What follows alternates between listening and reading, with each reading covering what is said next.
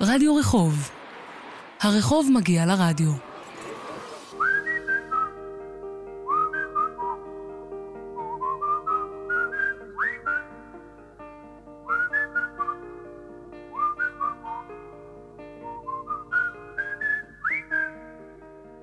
שלום לך.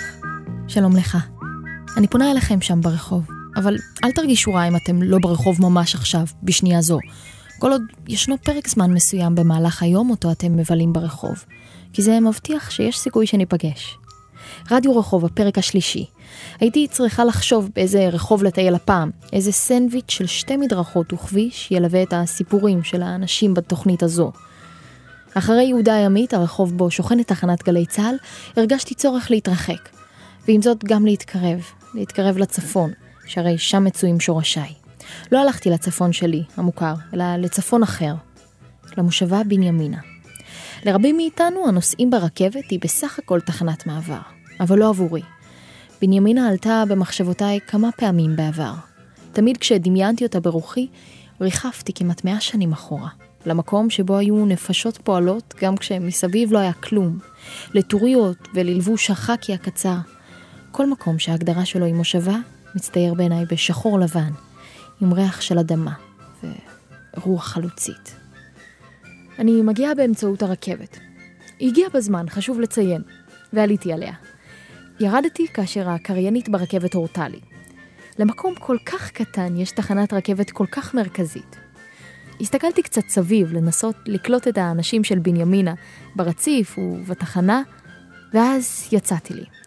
אני יוצאת ומגיעה למקום שהכי צפוי שאמצא ליד תחנת רכבת. תחנת מוניות.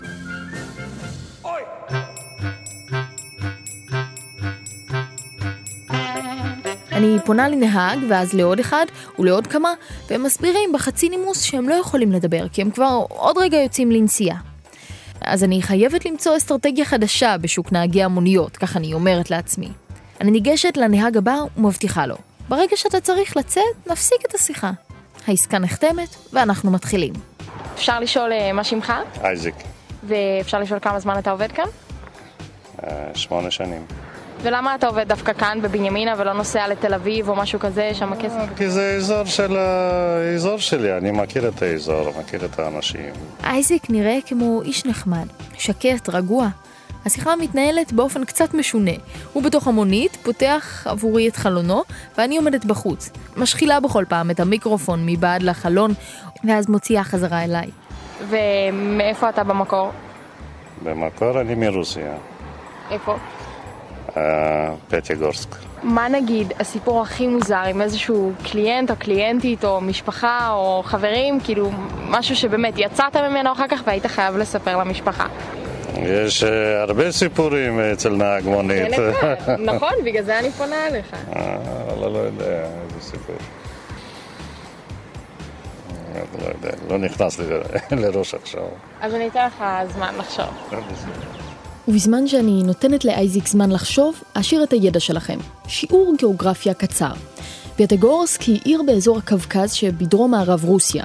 הפירוש המילולי שלה הוא חמש פסגות. אלו הן פסגות יערים שנמצאים סביב לעיר. יש בה מעיינות מרפא, ובה נהרג המשורר הרוסי לרמנטוב, שנחשב למשורר הקווקזים. ומי חלק את מקום הולדתו עם זה של אייזיק רק כמה שנים קודם לכן? יוסף טרומפלדור, בכבודו ובעצמו. יש טיפוסים, כאילו... היה לי פעם, אה, קיבלתי הזמנה מניות גולף לירושלים. הגעתי לשם, יצא אבא של ראש ממשלה, זיכרונו לברכה, איך קוראים לו? פרופסור, אה, שכח, בן, בן צבי? שכח. בן ציון. בן ציון, נכון, בן ציון. אז לקחתי אותו הביתה וכל הדרך הייתי בלחץ. אחריות, אה, נסיעה. דיברנו בדרך, איש נחמד מאוד. הוא שאל אותי מתי עליתי, קצת שואל על הפוליטיקה. דיברנו ככה, הוא היה עם העוזרת שלו, פיליפינית. היה שקט פה במדינה, אמרתי לו, בסדר, הבן שלך מתנהג טוב. הוא אומר לי, יש כאלה שלא אוהבים אותו, אבל... אה, פוליטיקה דבר כזה שאי אפשר להיות טוב לכולם. ככה דיברנו. איך אתה יכול לומר לי אחר כך שאין לך סיפור? יש, יש הרבה סיפור.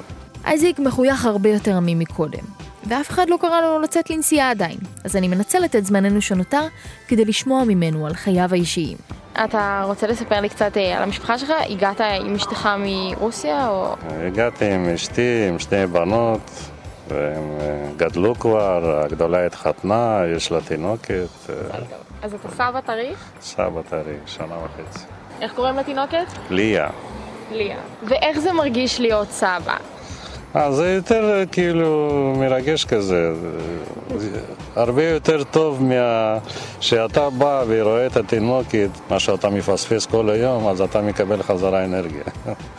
זה כמו איקסל. ליה, שמעת? סבא מוסר שאין עלייך, שאת הכי טובה בעולם.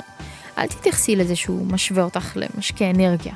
או לפחות, קחי את זה באופן הכי חיובי. אני יוצאת מאזור המוניות ומתחנת הרכבת. הגיע הזמן להגיע לדבר האמיתי, לדרך המסילה. זוכרים את התמונה בשחור לבן שהייתה לי בראש בתחילת הפרק? אז עכשיו נוספו לה כמה גוונים. אני מביטה ימינה ושמאלה ולא יכולה לראות את קצות הרחוב. כזה ארוך הוא.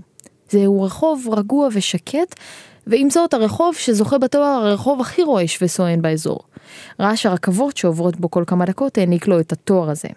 מימין בתים חד-קומתיים מסודרים בשורה, משמאל עדיין רק רכבת ומגרש חנייה. אני עוברת על פני מכונת משקאות, יש שם את האקסל של הנכדה של אייזיק, ואז מגיעה לתחנת אוטובוס. בדרך כלל תחנות האוטובוס במושבות הן די שוממות, אבל זו התחנה הראשית, כלומר אחת משתי הראשיות, השנייה נמצאת בצד השני. תחנות האוטובוס הללו הצמודות לרכבת מאפשרות לאנשים להמשיך מכאן לכל מקום אליו יחפצו. כמעט. תחנת האוטובוס. כמה חבר'ה מדברים בכמה שפות, אני עדיין לא בדיוק מבינה.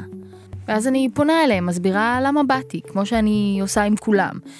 הם תולים את מבטיהם בבחור הג'ינג'י, כדי שהוא יקבל את המידע ממני, ואז יעביר להם אותו. אף על פי שהם בעצמם כבר יודעים את השפה, ומבינים.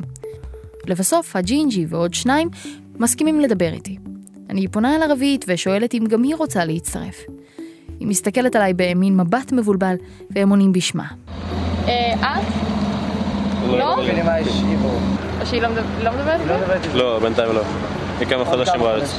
הבחורה, היא הסתכלה עלינו, על השיחה הזאת שהתנהלה בשפה כל כך זרה לה. מבט שלה היה כמו של מישהי שלא מאמינה שאפשר בכלל לרכוש את השפה. היא נשארה כצופה, והתחלתי לדבר עם האחרים. אז איך קוראים לכם? קוראים לי איגור. יותם. מריה. ואז תסבירו לי קצת, לא הבנתי מי מדבר פה עברית, מרוסית, מאיפה? אנחנו. אני שנה שנייה בארץ, אני הגעתי בתוכ... לפי התוכנית נעל"ה, אז אני פחות או יותר מדבר עברית כבר. אתה מדבר עברית מצוין. תודה. ומה זו התוכנית הזאת, נעל"ה? נעל"ה זה בשביל ילדים, נוערים, בגיל כמוני, כאילו הם מגיעים לארץ, או לומדים פה, מוציאים את העתיד שלהם. אז עלית לבד? כן, כולנו מכפר נוער אלוני יצחק.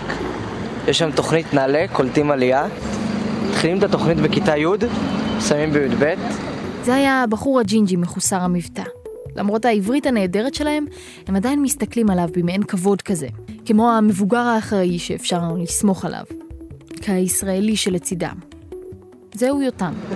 אני עובד עם כיתה י"א נעל"ה. בן כמה אתה? אני בן אה, 18. אני עושה שנה התנדבות לפני הצבא, שנת שירות. כן. ואת? אני שנה שלישית בארץ, אני רוצה לעשות, אה, אני רוצה ללכת לצבא, אני כבר הייתי בצו ראשון, את בי"ב? כן, אני בי"ב. אני אולי גדולה מהחבר'ה האלה בגיל, אבל מרגישה כל כך הרבה פחות בוגרת. וגם העובדה שאני צברית תגרום לי כנראה לעולם לא להבין מה זה להיזרק למקום חדש לגמרי. ואתה באמצע כל זה לא מבין כלום. איך את מסתדרת עם המנטליות של הארץ? כבר התרגלתי לזה. איך זה היה בהתחלה? בהתחלה היה מפחיד קצת, אבל כל השינויים הם מפחידים. איך, איך בחורה, בת, בת 15 ממוסקבה, פשוט עולה לארץ, בלי ההורים שלה, בשנת 2010? כן, אה, זה קשה, אבל אה, רציתי למה? לשנות משהו בחיים שלי. כי כשהייתי ברוסיה אז לא ידעתי מה אני רוצה לעשות בעתיד, אז uh, עכשיו אני חושבת שאני כבר התחלתי לחשוב על זה. אולי אני אעבוד uh, בתחום ביולוגיה או משהו כזה. כן, כי אהבתי פה, אהבתי להיות פה, רוצה להיות פה, רוצה לגור פה לבד וזה. ורציתי להסתדר פה, כאילו, אה, יש, יש לי חברים ברוסיה ואני חושבת שהם לא יכולים כמוני להסתדר, כי הם כל הזמן עם ההורים שלהם ו... וזה. בכל אותו הזמן, כשאנחנו כבר הרחק בקו רוסיה-בנימינה, אנחנו ממשיכים לעמוד בתחנת האוטובוס. ומה כולכם עושים כאן בתחנה בבנימינה? מחכים לשאטל שיחזיר אותנו לכפר. מאיפה? אה, אני הייתי באשקלון. אני חוזר, כאילו, אתמול פגשתי את ההורים שלי, הם גם עלו. הם עלו אתמול לארץ? אתמול, כן. זה מדהים. ממש. כמה זמן אתה כאן כבר לבד? שנה שנייה. אני חושבת, עליך יש לך את הקושי, אני משערת, של העלייה של להיות לבד, אבל להם זה אנשים עם מקצוע, זה אנשים עם חיים, וזה פתאום להתחיל הכל כאן מחדש. אני חושב שלהם זה הרבה יותר קשה מ... מהקושי ש... ש... שבשבילי.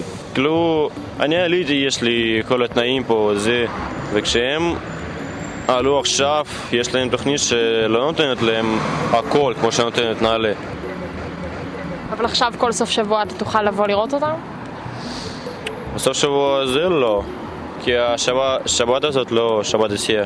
אוקיי. אחרי שבועיים. אז כל שבועיים יהיה לך למי ללכת? יהיה לך למי לנסוע? כן. יש לו את מי לראות כל שבועיים. דבר כל כך ברור מאליו עבורי, וכל כך מדהים עבורו. אני מנסה לראות את עצמי במקומם, ואני חושבת גם על יתר האנשים שעומדים לידינו. איך הם היו מתמודדים עם ההתעלשות הזאת מכל דבר שהכירו באמצע גיל ההתבגרות? אבל האוטובוס של הילדים עומד להגיע, ולכן אני ממהרת להמשיך בשיחה. האוטובוס מגיע? כמעט. לא, לא. אתם יכולים לומר כבר שאתם ישראלים, או שאתם בדרך להיות ישראלים? בדרך, בדרך, ממש. כן. עדיין לא ישראלים, אבל מתקרבים. מה זאת אומרת? זה הרגשה להיות ישראלי? זה... כן. כי... אני כבר מרגישה שאני כמעט ישראלית. כי אני רוצה להיות ישראלית. ואתה? נראה לי שאני ארגיש ישראלי. אה, ישראלי רק בצבא. אני מצטערת, מריה ואיגור היקרים, אבל אני לא מסכימה. מבחינתי אתם כבר ישראלים, והקטע הבא יוכיח זאת. אתם רוצים לבחור שיר שנשים כן. אחר כך? איזה יאללה. שיר אנחנו רוצים? איזה משה-? פרץ, משה פרץ. איזה משה פרץ? משה פרץ זה לא שיר. אה, שיר, שיר. לא מכיר את זה. אתה לא מכיר? שנייה. אש. אש? בליבי בוערת, כן?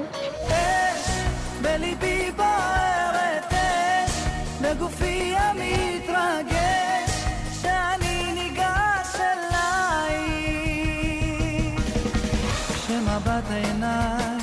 נפגש שוב בעינייך, ואז קורה דבר שלא קרה לי עוד.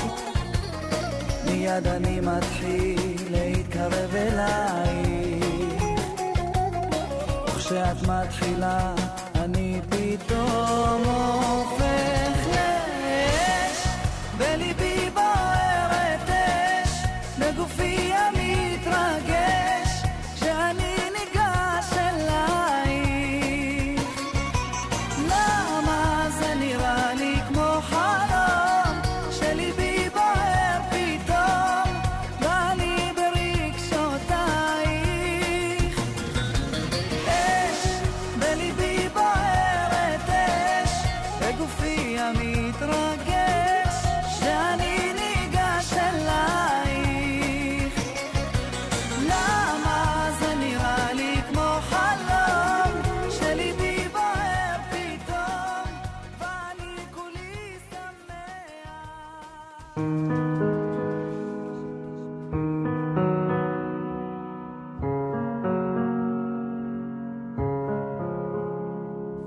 אני חוצה את הכביש במעבר החצייה. מגיעה לתחנת אוטובוס בבנימינה, זו שמול התחנה בה פגשתי קודם לכן את העולים החדשים מכפר הנוער, שהם כבר בעצם לגמרי ישראלים. אני מבחינה שם באישה מבוגרת שכבר פגשתי, או בעצם רק ראיתי קודם לכן. אחרי שירדתי מהרכבת, המשכתי להסתובב בתחנה. בתחנת הרכבת של בנימינה ישנו קיוסק קטן, ולידו מין עמדת ישיבה מיוחדת. חצי גורן של כיסאות שנראים כמו שווי תחנת אוטובוס. צהובים כאלו. היא לא ישבה עליהם, אלא התהלכה וקראה ספר, בלי להעתיק ממנו את המבט. אני הסתכלתי עליה, בלי להעתיק ממנה את המבט. היא כל כך תפסה את זה תשומת ליבי, אבל לא עשיתי כלום בעניין. עבר זמן מה, והנה עכשיו, כשאני בתחנת האוטובוס, אני מרגישה שזה מפגש שנועד לקרות. אני פונה אליה. היא עלתה ארצה לפני 20 שנה, אחרי שברית המועצות התפרקה. ניסיתי לברר מה היא יודעת לומר בעברית. וכל שאלה הוא... לא יודעת. אז עברנו לרוסית. אני מנסה לדבר איתה ברוסית העילגת שיש לי מהבית. והיא כולה מחייכת, צוחקת, כשהיא שומעת את המבטא הצולע שלי. היא מחכה לאוטובוס שייקח אותה לבית ביוקנעם. יש לה עיניים טובות, וכל מילה שנייה שלה מסתיימת בצחקוק. אני מסתכלת על הספר שיש לה ביד. הספר הוא הסיבה ששמתי לב אליה קודם לכן, בתחנת הרכבת. זה היה מראה ממגנט, כמו מטוטלת, היא נעה מצד לצד בחלל, שקועה לחלוטין בתוך הספר שכמעט נגע באפה. כמה זמן היא הסתובבה ככה, בעולם משלה? היא בטוח לא שמה לב אליי אז.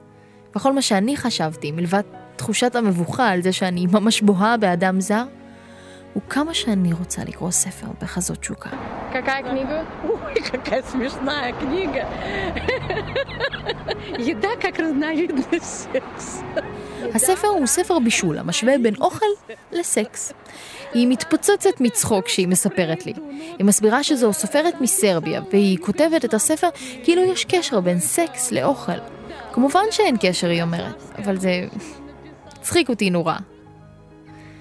אני מרגישה חיבה עזה עליה, ומרשה לעצמי לשאול, למה היא כאן, בבנימינה? Так что вы делаете тут, в Беньямине? В Беньямине, ой, у меня очень сложные дела, потому что у меня больная дочь. היא מספרת שבתה חולה, ולכן הנכדים שלה עברו לגור איתה. אבל בשלב מסוים רשויות הרווחה לקחו אותם תחת חסותם. עכשיו היא נסעה לאנשהו, היא לא מסבירה לאן, כחלק מהניסיון לטפל בעניין הזה, לנסות לפתור אותו. וכעת היא אומרת, נראה שיחזירו אליה את הנכדה ואחר כך את הנכד. וזה גורם לה אושר רב, כי בשלושת החודשים האחרונים היא כל כך התגעגעה אליהם ודאגה להם. אני לא יודעת מה בדיוק הסיפור, היא לא רצתה להיכנס לזה. אבל כשדיברה היא השתנתה. לצחוק ולחיוכים נשאר רק זכר קטן, שמסווה אולי את אי הנעימות. אבל בסוף חזר החיוך, בניסיון להקליל את הסיפור. או משאלה שבקרוב הכל יסתדר. אני לא יודעת. מקווה.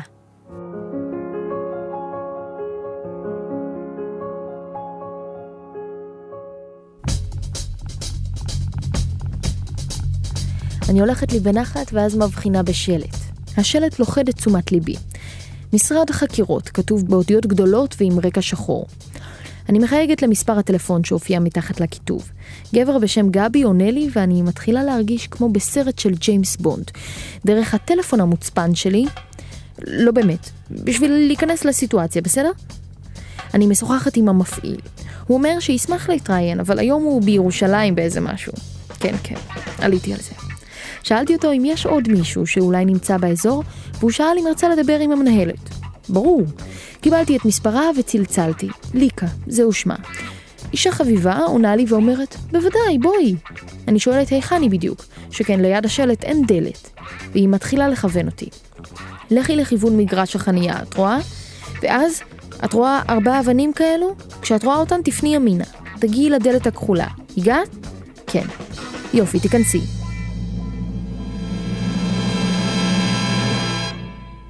איזה ריגוש אוחז בי. חשש ברור מאליו וגם ריגוש גדול. ציפיתי שאעבור בשער והשמיים יהפכו קודרים בן רגע וכבר בחצר יהיו מתכות מכל מיני סוגים והדשא יהיה צהוב, אבל הדשא היה ירוק ושום דבר בחצר לא החשיד. ליקה יוצאת לעברי, אישה שנראית ממש כמו אישה אמיתית ולא דמות ביונית. אין לה אביזרים משוכללים על היד וגם על הרגל, והיא מחייכת אליי. אישה כבת חמישים הייתי אומרת. היא מובילה אותי אל הבית. כאן כבר יקבלו אותי השלשלאות, וברגע שתדרוך רגלי על שטיח הכניסה המטעה, יתפוס אותי חבל ואתעלה עם הראש כלפי מטה. אני בטוחה בזה. אבל אני נכנסת, ורגע, הבית נראה רגיל לגמרי. ספה ושולחן כתיבה ומחשב וטלוויזיה ופינת אוכל. הכל כאן מוסווה טוב מדי, אני חושבת, לא יכול להיות. היא מושיבה אותי ליד השולחן. מסבירה שזה לא משרד החקירות. הוא נמצא בחלק האחורי של הבית. וזה הבית שלה. להאמין, לא להאמין? החלטתי שלא להחליט. חייכתי והתיישבתי לשולחן. בעוד אני מתיישבת, היא ניגשת לקיריים, פותחת את הסיר, מסבירה לי על המרק שהיא בדיוק רוקחת, כלומר מכינה. זה מרק בטטה, את רוצה? הסכמתי. אולי זו טעות חיי. עד שהוא יסיים לרתוח, אני מפעילה את מכשיר ההקלטה, ואנחנו משוחחות. קודם כל, המשרד חקירות באמת פועל הרבה מאוד שנים. רוב העבודה שלנו זה עבודות כלכליות ועבודות אישות. זאת אומרת, אה, בין בעל לאישה. ובדרך כלל מה שקורה זה שמשרד חקירות הרי בולש, מבקש לקבל מידע, אנחנו משתדלים מאוד שזה לא יהיה אנשים מבנימינה. כיוון שאחרת קשה מאוד להסתכל בעיניים של אנשים כשאתה הולך למכולת. ליקה מסבירה לי למה האנשים מגיעים למשרד החקירות שלה. אם יש איזשהו חשד מסוים, עדיף לבדוק אותו ולא להסתמך על, על מה שאומרים או מה שמרגישים. זה לא מין הפרת ברית האמון שיש בין אישה לגבר? בן אדם לא יכול להתכחש לעובדה שהוא חושד או שיש לו איזושהי בעיה עם זה, והוא לא רוצה ישר להתחיל עם כל מיני אה, פינטוזים. אז מה שקורה זה שהוא בודק, הוא מגשש. ולפעמים, את יודעת מה? אין שום דבר. נכון שזה לא לעיתים קרובות, אבל גם מקרים כאלה גילינו. כל מיני דברים. את לא תאמיני, אבל דרכי עוברים סיפורים של החיים, פשוט סיפורים של החיים. יש, יש טייפקאסט לאנשים שבאים אליכם? לא, ממש לא. אי אפשר אה, לאפיין אה, אנשים שמגיעים למשרדי חקירות. זה יכול להיות אה, אפילו חבר'ה מאוד צעירים, בני 21-22, או שזה מישהו בן אה, 70. יש גבר שהיה משוכנע שאשתו מתחילה לרוץ משום שיש לה מישהו בסביבה, ולא היה לה שום דבר בסביבה. אני כבר, את יודעת, הייתי מתנשפת אחריה כשחיפשתי אותה, ולא היה שום דבר באמת, היא פשוט הייתה עושה כמה רונדלים. הוא לא האמין, ואנחנו מדברים על גבר בן 70, אישה בת 65. אבל זה איזשהו חשד פנימי, שמצד שני את יכולה לראות אותו אפילו כאיזשהו קומפלימנט מטורף לאישה. נכון?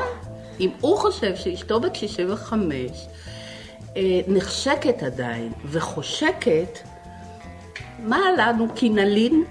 אנחנו פשוט מאושרים, המצב הוא פשוט נפלא. אחרי שדיברה על האנשים שבאים למשרד החקירות, ביקשתי ללמוד גם על חייה שלה. אז איך הסיפור שלך התחיל?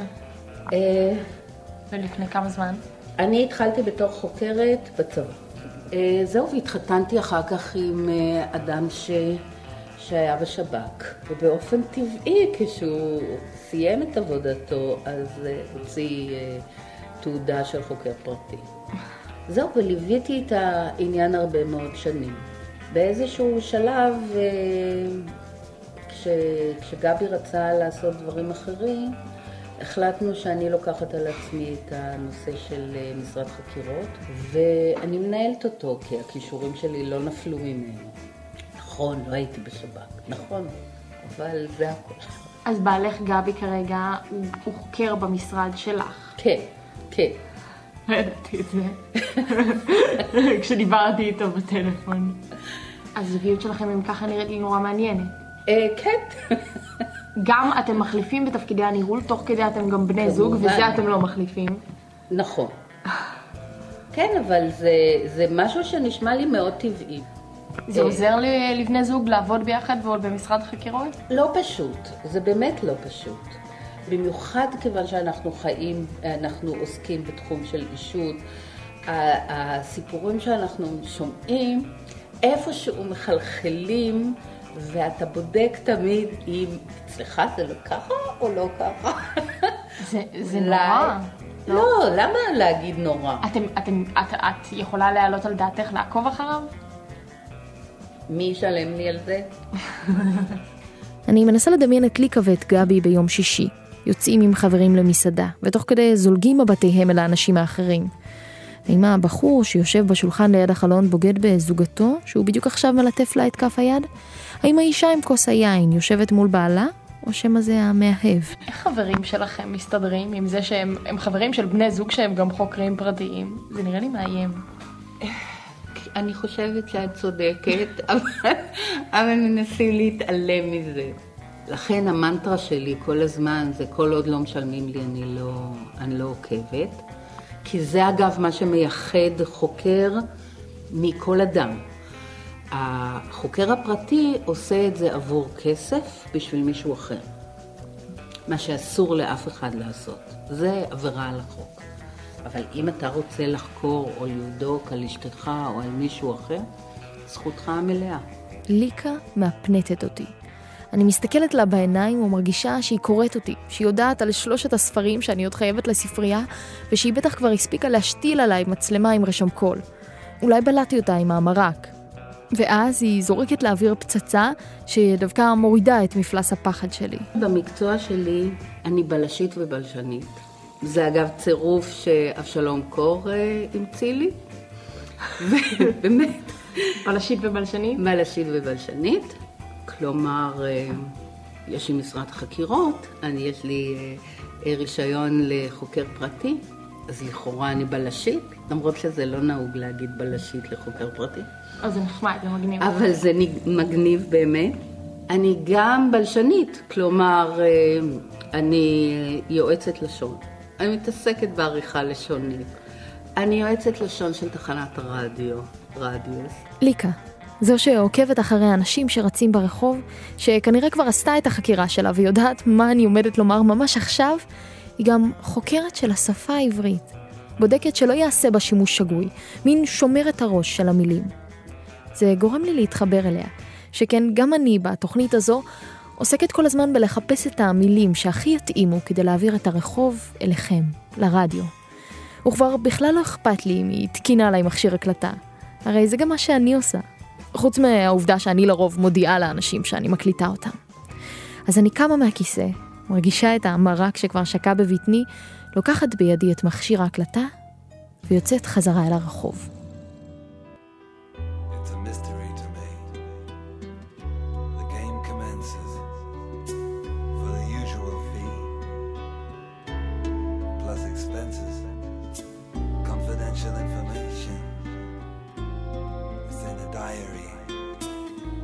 my investigation. It's not a public inquiry.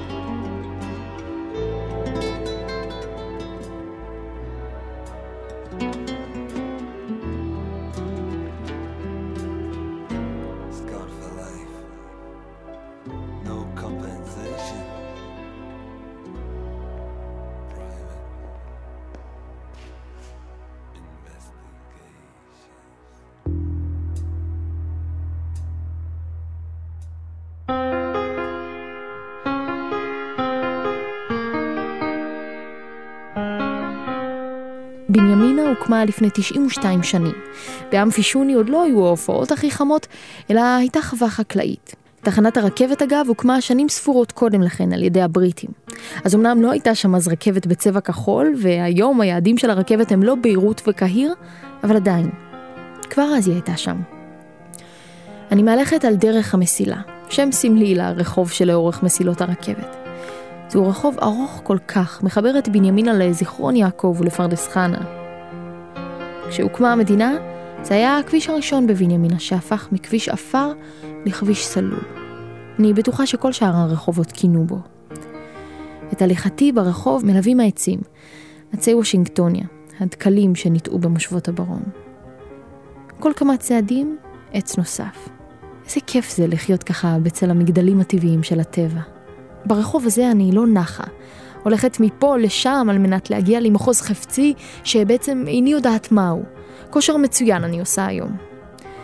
אני מתבוננת שוב ברחוב, ורגוע כאן, ושלב, במיוחד אחרי יהודה הימית של השבוע שעבר.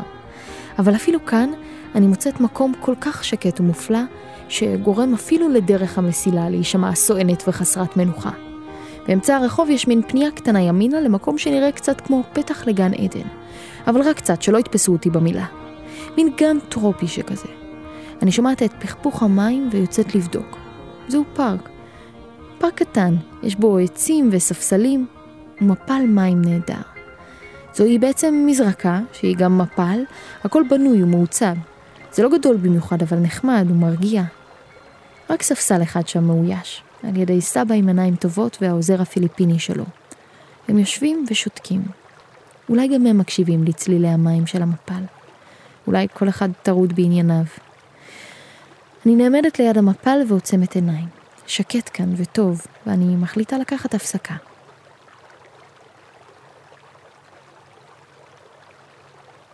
אני פוקחת את עיניי.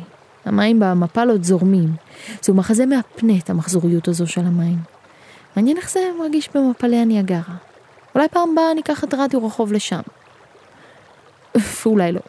ענת, די להיסחף. אני יוצאת מן הפארק, הפרידה קשה אך הכרחית. בסמוך לפארק ישנו גשר. אין מעבר חצייה בקרבת מקום, אז אני מחליטה לעלות עליו. ואז אני נתקפת במבול. לא אמנם זה חורף, אבל המבול לא מגיע מהשמיים. זה מבול בצורת מדי חאקי. מכשיר ההקלטה שלי בידי, וזה בהחלט מספיק כדי לעורר את הסקרנות של החבר'ה האלה במדים. כ-15 חבר'ה יש שם, הרוב בנות, והן גם הרבה יותר דומיננטיות. הם כמו פחית האקסל שנהג המונית שפגשתי ליד הרכבת דיבר עליה. מרים אותי לגמרי ומביאים לי מלא אנרגיות. אנחנו מתחילים את הריאיון, ורק בקשה אחת יש לי מהם. אני הייתי קודם, משהו חשוב, משהו ממש חשוב. תדברו אחת אחרי השנייה, כאילו, אני מבטיחה שלכולן יהיה מקום, אבל אל תדברו בו זמנית. והרי התוצאות. אני הייתי קודם! מה? מה זה? אז אנחנו. טוב, אני כבר הבנתי. אנסה להתמודד. הן מבינות שאני נלחצת מאיך נצליח לקיים את הריאיון ככה. ולכן הן פונות לחנופה. אנחנו מתרגשות מהמעמד. כן? בדרך לאן אני... בדרך לאן אני... אנחנו בדרך לצופים עכשיו, לשבט עומר בבנימינה. זה השבט אה, שהוא הכי טוב כאילו בכל הצופים של אה, ישראל. באיזה כיתה אתם? ט'. הבנות מפטפטות ומפטפטות וסוגרות עליי במין מעגל. אני מרגישה קצת מותקפת, שוב. אז כדי לפרוץ את המעגל ולנשום סוף סוף, אני פונה לבחור שאיתן. מצבו אפילו יותר גרוע משלי. הוא פשוט נדחק מחוץ למעגל. עד שהגעתי, ההשתתפות היחידה שלו בשיחה הייתה בצפייה ובהנהון. אתה גם רוצה? יאללה, עמית, תדבר. אני גם כיתה ט' בצופים. ואיך אתה מתמודד עם כל כך הרבה בנות וזה שאתה כרגע הבן היחיד? אה, זה קצת קשה כי הן מדברות הרבה, מן הסתם המין הנשי, אבל אה, מסתדרים, הולכים הצידה ו... מרחיקה פה לי, את מבינה? למה לך? במיוחד? כי אנחנו בונים ביחד אה, פעולה לצופים, אז אנחנו צריכים מתודה. אז... מבינה, קשה לו לפרגן, הוא לא יכול להגיד שהוא רוצה. ללכת איתי פשוט. כן, נכון, אה? אז אולי שהוא יגיד את זה עכשיו ברדיו, זה נראה לי די רשמי. אה, כן? לך על זה. שאני רוצה ללכת איתה? כן. ימית, אני רוצה ללכת איתה. כל החיים שלי חיכיתי למעמד הזה, ללכת איתך לצופים. תמיד אני מתרגשת תמיד. ליבי פועם בחוזקה. עכשיו, אחרי שכולם קיבלו את זכות הדיבור והראו שבלדבר הם מאוד חזקים, הגיע הזמן להתקיל אותם קצת בחזרה. בואו נדבר קצת על בנימינה. אתם הדור הצעיר של בנימינה, תכירו. למשל, על שמי המושבה קרויה? בנימין בנימין אדמונד דה רוטשילד. מגניב. איזה עוד, יאללה, תזרקו לי אתן טריוויה בלי שאני אשאל. דברים שאתן יודעות על בנימינה. אמ, בנימינה נוסדה ב-1922. אהוד מנור היה גר פה. כן, וכל ה- נכון. הם, כל הכיכרות בבנימינה הן קרויות על שם, על שמות של שירים של אהוד מנור בג- מפני שהוא גר פה. הוא כתב עליה גם הרבה שירים, וזה מושבה לא גדולה, אבל באמת מדהימה. אה, מדהימה, באמת כיף כאן. והרבה אנשים עברו לכאן בגלל שזה מקום יפה כמוני. וטוב. ו- והאזור פה מאוד מדהים, כל השדות, אני אישית גרה על השדות וזה מדהים. זה מושבה אטרקטיבית. החבורה הפטפטנית והנלהבת הזו גורמת לי לחשוב דווקא על הצבא, מה שנקרא גאוות יחידה. אבל עכשיו מן הצבא חוזרים לגיל הטיפש עשרה. אז באמת, אתן נערות מתבגרות, והרי בגיל שלכם, ואתה נער מתבגר. אתה יכול להצטרף. האם הן עוד פעם סוגרות עלייך, נו. אמ, ובעצם רוב החבר'ה בגיל הזה אומרים, די, נמאס לגור במקום קטן, אני רוצה את תל אביב, ואני רוצה את כל ה... זהו. אנחנו לא כאלה. אני אישית חושבת שאנחנו די חיים בבועה, אפשר לקרוא לזה, אבל בועה מאוד טובה. זה, אנחנו מאוד שונים מהאנשים שחיים במרכז, ו... בדרך כלל כשאנחנו יוצאים, אנחנו לא יוצאים כאילו לעיר ולכל מיני מועדונים. לשדות עושים מדורה. יוצאים, כן, יוצאים אה, לשדות, יוצאים פה לגני שעשועים ביחד. כן, כמו עושים שאמרו, מדורות, אנחנו- ערבים גדודיים, אנחנו באמת כאילו מגובשים גם מחוץ אנחנו, לצופים. זהו, אנחנו יושבים, וזה לא שזה קיבוץ, וזה לא שזה איזה חור או מקום אה, שקט ומנותק, לפעמים אנחנו הולכים פה, יש לנו קניון קטן, לפעמים אליו אנחנו הולכים, אבל אה, בגדול זה סביבה מאוד שונה, ואני חושבת גם מאוד בטוח שלגדול להסתובב פה. זה גם לא שאנחנו בדרך כלל רק יותר פה, יש לנו, כמו שרותם אמר מקודם, אנחנו חיים בסוג של בועה וגם יש פה רכבת, זה נורא עוזר לנו, אנחנו כאילו כל הזמן יוצאות וחוזרות בבנימינה. אתם תישארו כאן אבל כשתהיו גדולות? אין ספק, תמיד. יש לנו, יש לנו אה, שיחות על העתיד שלנו, תמיד אנחנו אומרות בוא נגדל את הילדים שלנו ובבית ספר, וכמו שלנו הייתה ילדות טובה בבנימינה, אנחנו נרצה שגם דור העתיד שלנו. שלנו יגדל כאן. כמה בנים הצטרפו לקבוצה הזו בינתיים? כמובן שלא הרגשתם את זה. אני דוגלת בשוויון, אז פניתי אליהם. אוקיי, רגע, בואו ניתן לבנים לדבר גם. דיברנו עם הבנות, לא, לא, אבל אחר כך נחזור אליכם ולדבר על הצופים. אה, דיברנו עם הבנות על אה, מה הן מחפשות בבנים, ושבנים פתאום מתבגרים בגיל הזה, אז מה אתם מחפשים בבנות? תתקרבו, שאני לא אצטרך. אז אני אגיד מה יש אצל חברה שלי, נראה לי יותר פשוט.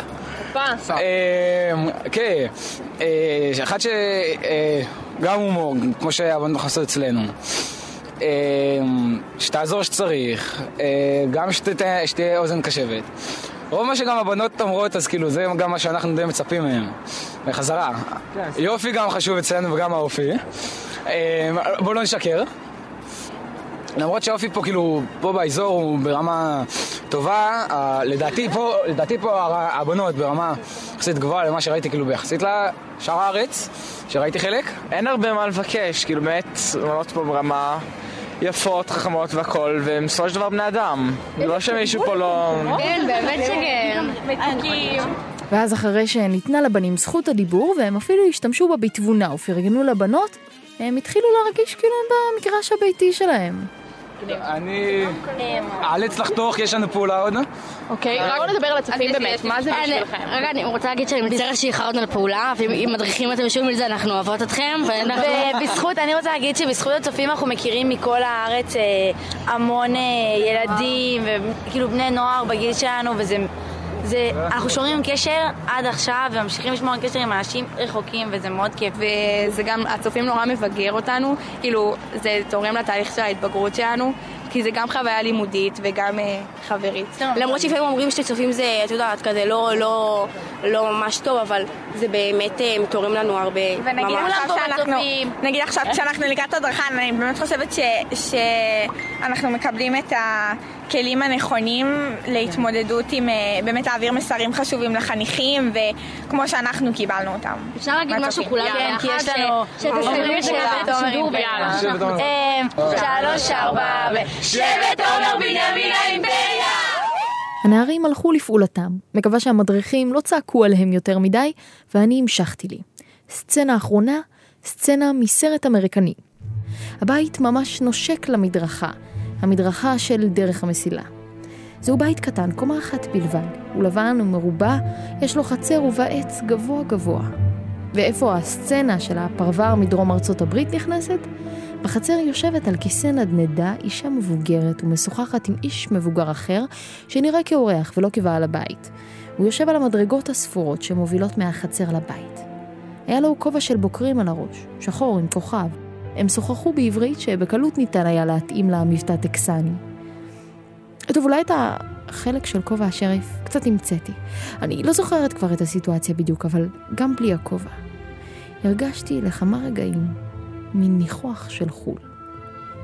לא הרגשתי בנוח להפריע למפגש הזה, והמשכתי בדרכי. הוצאתי מהתיק את מכשיר ההקלטה, והתחלתי להקליט רשמים מן האזור.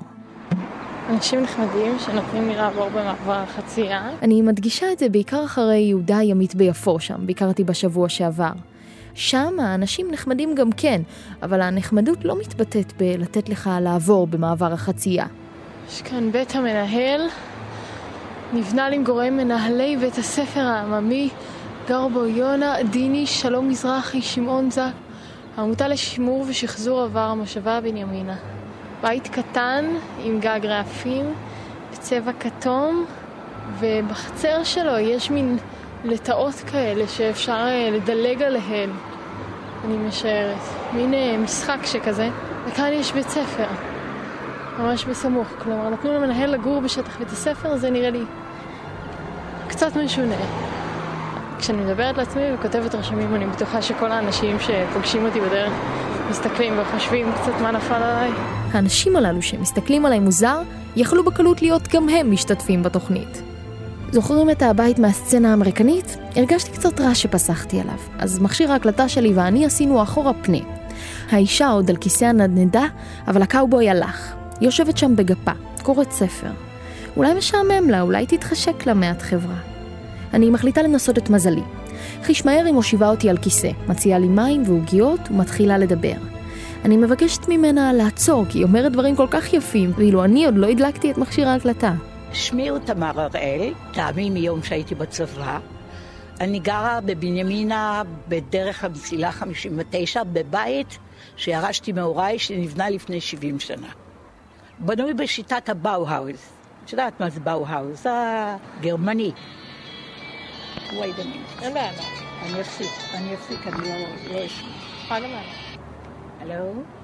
אה, לימור, אני עסוקה כעת. אה, באה לכאן אה, כתבת של גלי צה"ל, עברה בבנימינה, והחליטה לפגוש כל מיני אנשים. היא ראתה אותי בחוץ, אז היא נכנסה, מאוד חמודה, והיא רוצה שאני אספר לה את קורות... קורותיי לדורות, כמו שאומרים. ביי לימור, ביי ביי. באמת שתמר עושה בשבילי את כל העבודה. אוקיי, אני אוהבת את הבית הזה, כי גדלתי בו. אני אוהבת מאוד את בנימינה. עכשיו, אה, מצד אימא שלי, אני דור רביעי בארץ. מצד אבא שלי, אני דור שני בארץ. עכשיו, אה, הם הכירו בירושלים, התחתנו, נדדו, פתח תקווה, רעננה, בנימינה. זה היה מושבה קטנה ויפה. באיזה שנים זה? אה, משהו שלושים ו... בסביבות השלושים. אני נולדתי בבנימינה, אני בת למשפחה של שמונה אחים ואחיות כולל אותי. היא עוד על הכיסא, כבר הניחה את הספר בצד, הבינה שבקרוב לא תחזור לקרוא. ועכשיו היא עוברת להיסטוריה שלה. התחתנתי עם בן אדם מדהים, שגדול ממני היה ב-16 שנה, גבר העולם, מיליונר. את הבן ילדתי בגיל 40, את הבת בגיל 41, את רואה? שזה אז היה נורא נדיר להוליד כן. בגיל כל כך מאוחר. כן. באיזה גיל התחתנת? 39. כי הוא ישב לי על הברית שבע שנים, לא רציתי. למה? עשיתי את השיקול, אדם מבוגר ממני בכל כך הרבה שנים, גרוש, עם ילדים בוגרים. לחשוב קצת, והיו לי מחזרים מפה עד להודעה חדשה. מיליונר היה בעלה.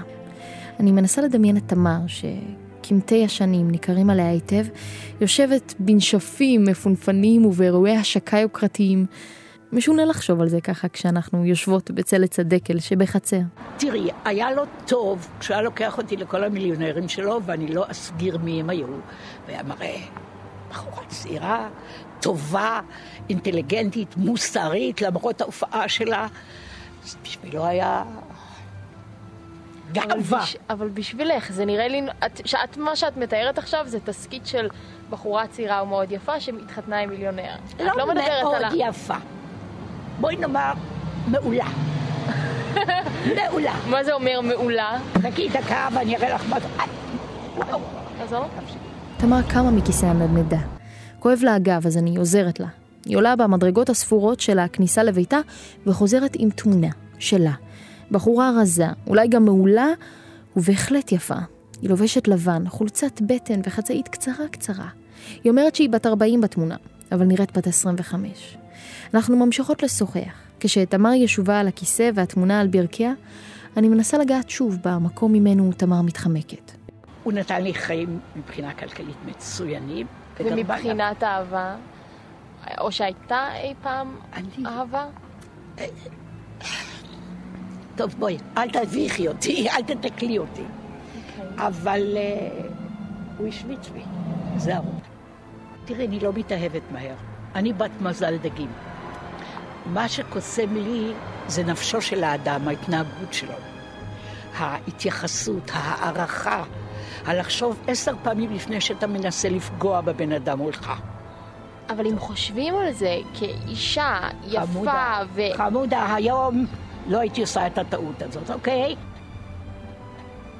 אולי הלכתי רחוק מדי.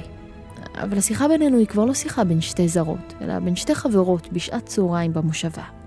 אולי בגלל הקרבה שאני חשה, הרשיתי לעצמי לשאול את השאלות. חיינו יפה מספר שנים, ואז לפני 25 שנה הוא נפטר. ונשארתי עם שני ילדים, הבן היה בן עשר, הבת הייתה בת תשע, בלי אגורה.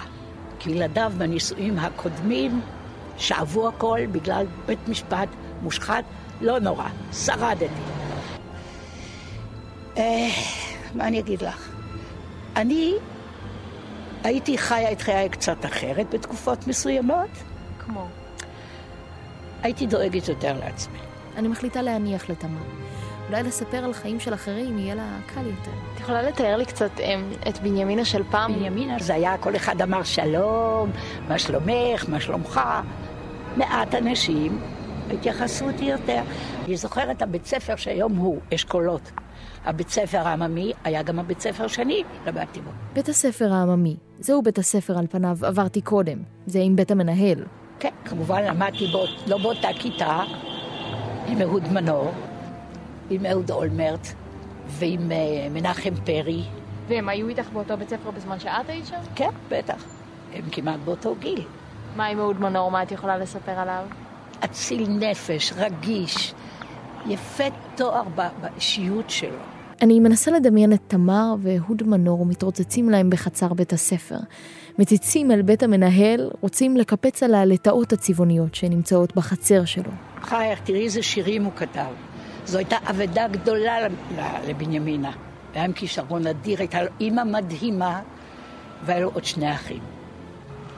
כילד, הוא, הוא בלט בבית הספר, נתנו כן, לו לעשות טקסים. כן. הוא, היה, הוא היה מדהים, אני זוכרת.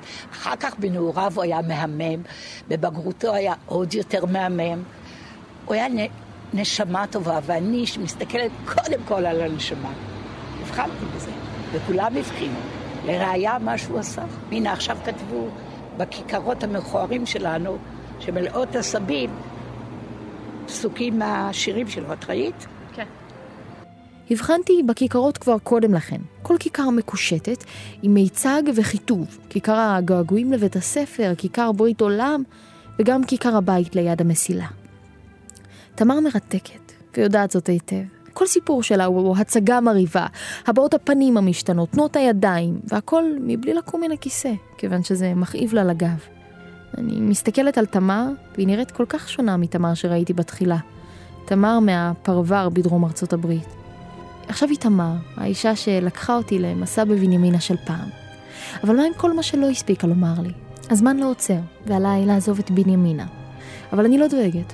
מתישהו אני אזכה לשמוע עוד. אני מתכוננת לכתוב את סיפור חיי שהוא די מעניין. אני אלך אחורה לשנות ילדותי, בחרותי, נערותי, בגרותי וכיום. ואני אכתוב ספר על חיי. לא בשביל אה, לשווק אותו, אלא שיהיה. או שאקרא לו מעגלות חיי, או שאקרא לו לאן מובילים אותך החיים. לאן מובילים אותך החיים? לאן באמת? אני ממש רחוקה מלדעת. הכי הרבה שאני יודעת עכשיו, הוא לאן הובילה אותי דרך המסילה בבנימינה.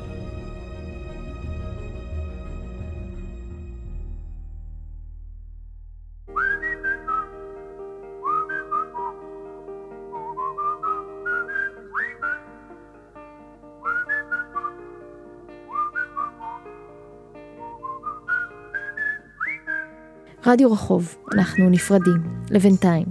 ועד הפעם הבאה צאו לרחוב אנשים מעניינים. תנו למישהו לגלות אתכם. תודה גדולה לשיר מאיר שהייתה על ההפקה, לנעמה הדסי על העריכה המוזיקלית, לטל וניג אביב קזו, שילן גביש, ישראל אליצור, בר ישראלי ושירי הרן שהיו על הביצוע הטכני. תודה לעורכת הראשית מאיה גאייר.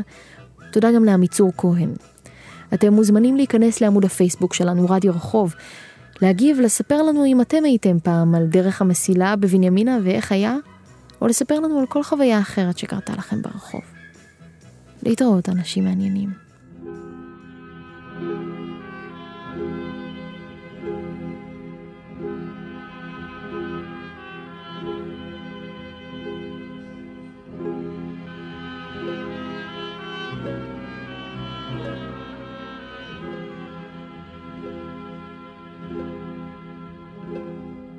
בבית ליד המסילה. לא מתהלכים עוד ברגליים יחיפות וליד המרפסת הגדולה. לא מבעירים עוד את עלי הצפצפות. השער סגור, הדלתות נעולות התריסים מוגפים גם בים harakia pa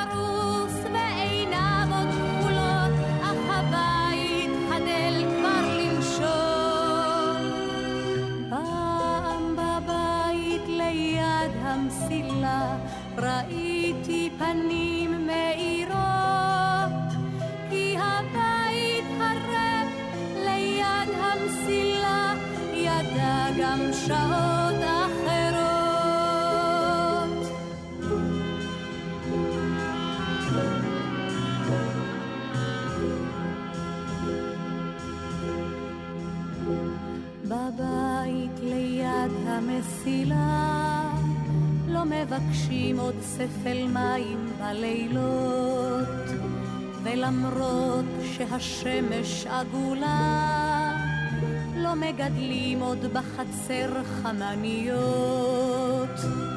הבוקר אילם והאור לא עולה ויונים לא עפות אל הגג חום השמש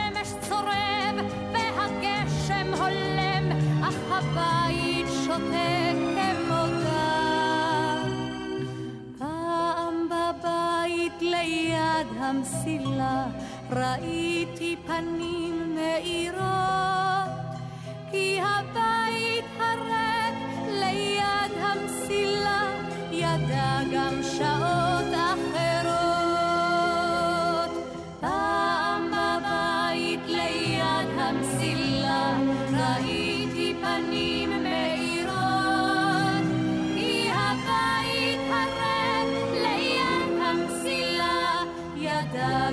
שעות אחרות.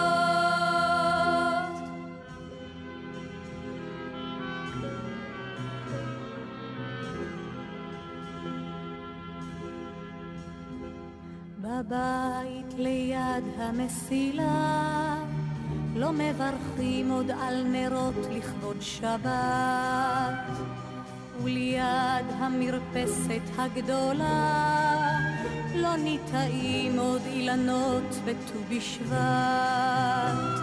הבית דומם ודומעים חלוניו התמונות נצמדות אל הקיר